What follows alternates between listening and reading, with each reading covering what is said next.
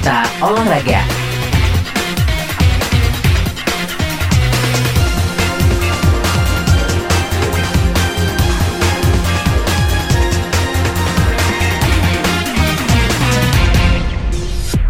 Selamat siang sahabat sonora sejeni putar untuk berita olahraga.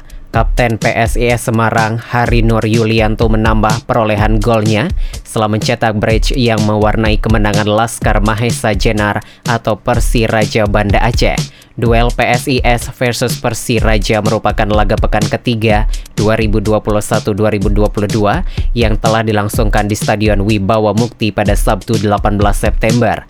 Pada laga tersebut PSIS berjaya dengan kemenangan meyakinkan 3-1 atas Persiraja. Demikian saja putra untuk berita olahraga.